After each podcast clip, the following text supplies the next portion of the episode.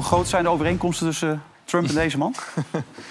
Ehm, groot. Ze worden door een achterban allebei denk ik gezien als een soort menselijke handgranaten. Dus die gooien we daar naartoe om de kussens even flink op te schudden. Dus wat dat betreft, toch? Dus Geert Wilders is een menselijke handgranaat? Een menselijke, ja. mensen. Ja. Ja. Ja. Is dat een compliment of niet?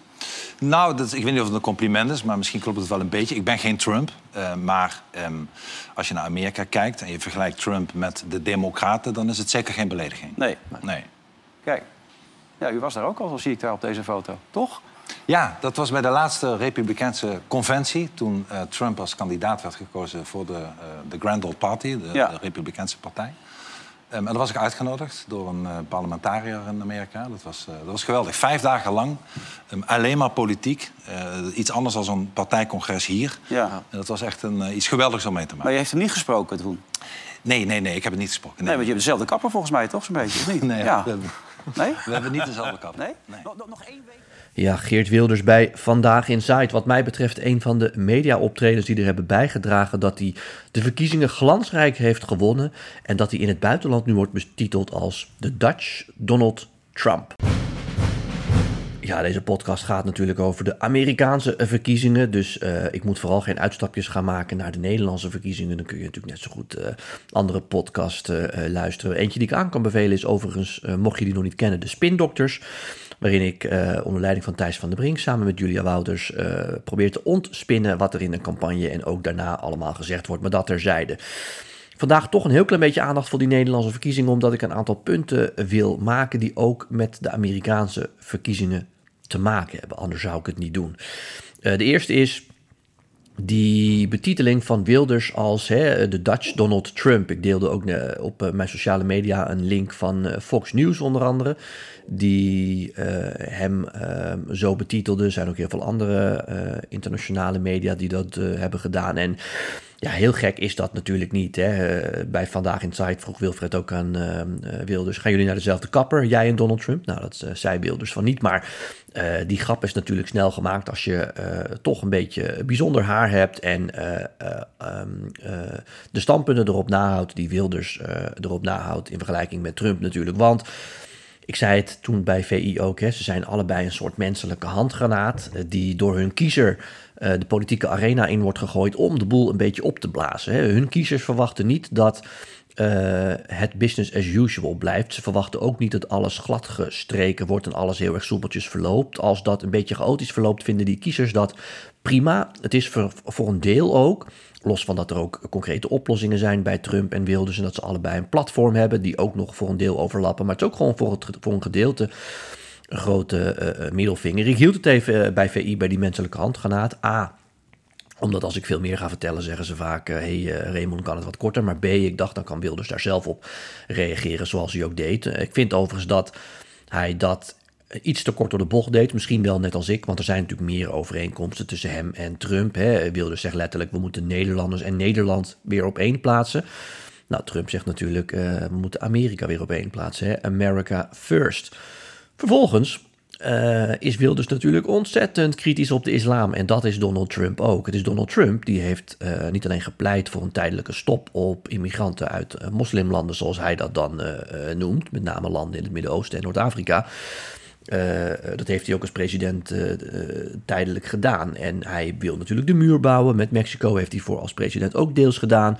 Dat zijn natuurlijk dingen die overeenkomen met Geert Wilders. Bovendien kijken ze ook allebei wat meer naar binnen. Trump is vrij protectionistisch natuurlijk. En Geert Wilders is dat ook. Heeft ook kritiek op de Europese Unie. En heeft net als Trump kritiek op de wapens die wij allemaal leveren aan Oekraïne. Dus er zijn nog veel meer overeenkomsten tussen die twee. En nogmaals, dan is de vergelijking, de Nederlandse Donald Trump, die is dan snel gemaakt.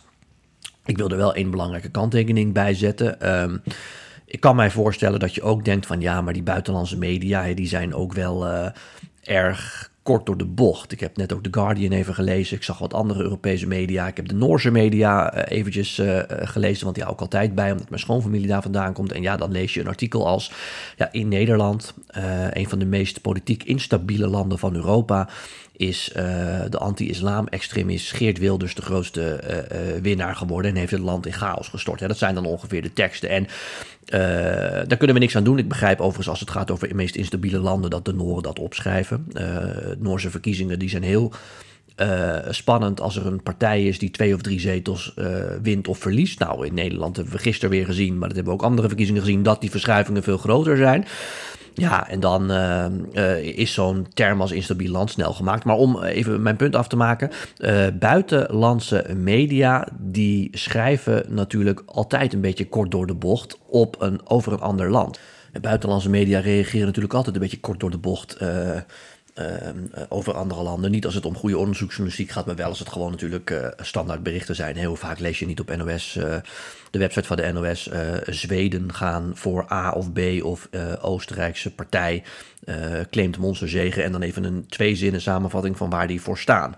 Ehm, en dat geldt ook wel een beetje voor Trump. Ik bedoel, ehm, ik heb een aantal appjes gekregen van Amerikaanse vrienden. Die zeiden van, oh, jullie krijgen je eigen Trump. Hè? Gaat hij ook het parlement bestormen? Die deden daar een beetje grappend uh, over.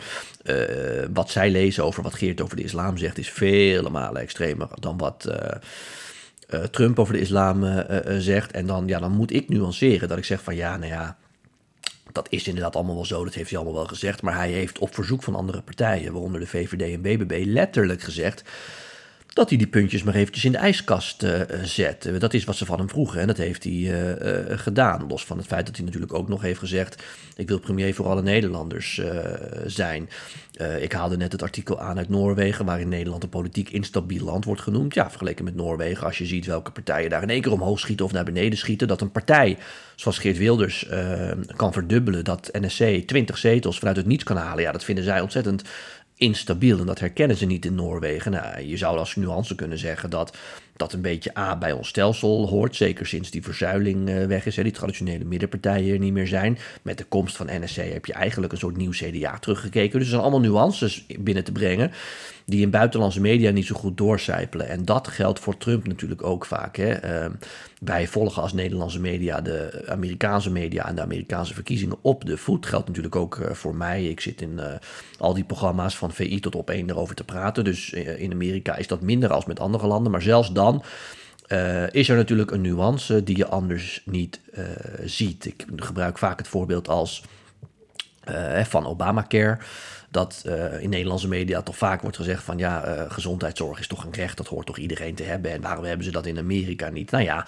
dan moet je de nuance aanbrengen dat dat dan via Washington geregeld moet worden. En Washington is voor vele Amerikanen hetzelfde als wat Brussel voor ons is. Dus je kunt wel zeggen gezondheidszorg voor iedereen, maar de meeste zorg wordt per staat uh, geregeld. Er zijn allemaal regels voor hoe je met je dokter om kan gaan, wat je wel en niet vergoed krijgt. Dat Washington dat over gaat nemen, ja, dat is hetzelfde als dat je tegen Nederlanders zou zeggen, nou vanaf morgen heeft u geen gezondheidszorg meer. Maar niet getreurd, Brussel gaat dat overnemen. Dus al die nuances die gaan vaak weg en dat zie je ook uh, met Wilders natuurlijk. Hè. En, uh, en daardoor wordt snel misschien de conclusie getrokken dat Wilders geen premier kan zijn. Ik laat even hier de analyse of het hem lukt om premier te worden los. Want daar moet je inderdaad maar andere podcasts uh, voor luisteren. Maar wij zijn als Nederlanders wel heel erg bezig met hoe het buitenland ons ziet. Uh, en dat hoeft. We zijn natuurlijk een naar buiten gekeerd land. We zijn een handelslandje, dus voor een deel is dat verklaarbaar. Maar voor een deel is dat ook erg overdreven. De Nederlandse premier wordt over het algemeen wereldwijd overal met alle egaars ontvangen. Of dat nou Geert Wilders, Fleur Agema of Mark Rutte is. Dat maakt echt niet uit. Uh, misschien dat Geert Wilders moeite heeft om Pakistan binnen te komen, maar dat zal hij zelf niet erg vinden. Dat zal hij zelfs in zijn voordeel uh, benutten door te zeggen van kijk eens, wat een, uh, dat is wat er gebeurt als een, in een land de islam aan de macht is. Nou ja, wat je politieke voorkeur ook is, ik probeer alleen maar aan te geven, ik heb zelf ook niet op de PVV gestemd, maar ik probeer alleen maar aan te geven dat uh, er nuances zijn bij iedere verkiezing. En dat je nu in Nederland, wij kennen al die nuances, dat ook ziet in de buitenlandse pers. En zo moeten wij dus ook, wil ik maar zeggen, wat er uit Amerika komt, af en toe een beetje wegen. Er zit altijd een nuance in. Nou, luister jij naar deze podcast, dus dan vind je de Amerikaanse politiek bovengemiddeld interessant. En dan zorg ik in deze podcast hopelijk voor de nuance. Door te zeggen wat mij opvalt, zoals ik nu doe, en tegelijkertijd jullie vragen te beantwoorden. Uh, maar wees daar altijd scherp op en hou dat ook in je ogenschouw als er wereldwijd wordt gezegd de Nederlandse Trump. A, die vergelijking is makkelijk gemaakt en ik snap hem ook, inhoudelijk en qua uiterlijk natuurlijk. Het is gewoon een geestige vergelijking die ook nog eens hout snijdt voor een deel. Maar er is natuurlijk een nuance. Uh, en die nuance die wij nu in ogenschouw moeten nemen, hè, dat we tegen buitenlanders kunnen zeggen van ja oké, er is misschien enige nuance op dat beeld. Dat, die nuance moet je ook toepassen als er nieuwsberichten over de Amerikaanse politiek in de Nederlandse media staan. Goed, ik zei het net al, jullie stellen natuurlijk ook vragen. Dat hebben jullie weer gedaan, dus dank daarvoor. Uh, die hebben jullie opgestuurd onder andere via Twitter, Instagram en LinkedIn. Ja, de eerste vraag is van Mark. Uh, Mark vraagt uh, wanneer er weer een nieuw presidentsdebat is. Nou, volgens mij, Mark, is dat in de week van de eerste week van december. Volgens mij 6 december staat er weer een debat uh, gepland. Um, en de meeste Republikeinse kandidaten zeggen, nou, wij denken dat daar ongeveer drie man aan mee gaat doen. Dus dan denk je in ieder geval aan Nikki Haley, Ron DeSantis. Uh, en ja, dan is de vraag of Vivek Ramaswamy daartussen zit of Chris Christie. Een van die twee zou mogelijk nog kunnen afvallen. Maar uh, alle ogen zijn nu ook gericht op Ron DeSantis. Moet hij niet de handdoek in de ring gooien? Nou, ik heb in de vorige podcast uh, uitgelegd dat ik denk dat Ron DeSantis echt nog wel even in de race blijft. Want die heeft niet voor niks zoveel geld en moeite in die hele campagne gestort. Dan een vraag van Marijke, Raymond. Hoe zit dat nou precies met uh, uh, die delegates, die gedelegeerden waar je het vaak over hebt? Is dat hetzelfde als kiesmannen? Nee. Uh, de kiesmannen, hebben we het vaak over gehad. mocht je nou denken van hoe zit het ook alweer? Daar komen we volgend jaar nog uitgebreid over te spreken. Kijk, delegates, ik neem even een slokje koffie. Het was een lange nacht vannacht. de delegates, dat zijn eigenlijk gedelegeerden, ook een soort punten. Zie het maar even als punten. Die iedere kandidaat krijgt als hij aan een voorverkiezing deelneemt en daar uh, uh, punten behaalt. Uh, laat ik me even op de Republikeinse Partij concentreren, want dat verschilt per partij. Maar bij de Republikeinse Partij worden die meestal ehm, gegeven aan de, aan de persoon die de meeste stemmen haalt. Daar hebben ze een winner-takes-all systeem. Dus er zijn 50 staten. Uh, al die staten hebben, afhankelijk van hoeveel mensen er wonen, een tiental of een honderdtal uh, gedelegeerde punten. En als een kandidaat daar de meeste stemmen haalt, hoeft dus niet 50% te zijn, kan ook 30% zijn, zolang je maar de meeste stemmen hebt, dan krijg je uh, bij de Republikeinen, het is een winner-takes-all systeem, krijg je alle punten, alle gedelegeerden die daarvoor staan. En dat telt zich dan op. En op een gegeven moment heb je de helft plus één. En ben je niet meer in te halen. En worden die op de conventie dan wel officieel toebedeeld aan jou. Maar dan ben je dus eigenlijk al de presidentskandidaat, de partijleider. En dat betekent dus ook, uh, daarom hamer ik er vaak op, dat uh, die tegenstanders van Trump heel snel uit de race moeten stappen en één tegenkandidaat uh, het tegen hem moeten laten opnemen. Want Donald Trump heeft er in feite genoeg aan om in iedere staat 30 tot 40 procent te halen. Daarmee krijgt hij alle punten die er voor die staat staan, dat telt zich op. Ja, en haal hem dan nog maar eens in als je eenmaal over de, als je eenmaal heel veel staten hebt gehad. Want bedenk je wel, Iowa, New Hampshire, South Carolina zijn redelijk kleine staten, maar die zetten de toon. Meestal zijn er na die voorverkiezingen al bijna geen kandidaten meer over. Dan ga je redelijk snel naar een weekend eind februari, begin maart. Dat heet Super Tuesday, waarin er tientallen staten tegelijk voorverkiezingen houden. Ja, als Trump daar ook goede zaken doet, dan is hij niet meer in te halen. En dan is hij president. Uh, presidentskandidaat, sorry. Uh, dus het zijn geen kiesmannen, dat werkt net even anders, maar het systeem is ongeveer hetzelfde. Behalve dat bij de Democraten ze geen winner-takes-all systeem hebben. Daar geven ze die uh, punten uh, procentueel weg. Dus als je 20% van de stemmen haalt, haal je 20% van de punten. en dus kan die strijd vaak een stuk langer doorgaan dan bij de Republikeinen. Uh, al zitten er allemaal weer haken en ogen aan, maar dat is een beetje de simpele uh, uitleg daarvan. Goed, tot zover even deze uh, vreemde Eend in de Bijt podcast, die toch ook een, voor een deel over de Nederlandse politiek ging, maar dat maakt niet uit. Ik denk dat het goed is om eens te kijken hoe het buitenland dan zoiets duidt en dat wij daar scherp op moeten zijn. Als je ook naar bijvoorbeeld de Amerikaanse politiek en überhaupt berichtgeving over de politiek in andere landen kijkt. heb jij nou nog zelf ook vragen en denk je van naar aanleiding van Wilders of Trump of andere dingen wil ik daar een antwoord op hebben? Stuur die dan in. Dat kan via Twitter, Instagram op, of LinkedIn. Op uh, Instagram vraag ik er regelmatig naar. En dan beantwoord ik die weer in een volgende podcast. Wil je nou in de tussentijd nog op de hoogte blijven?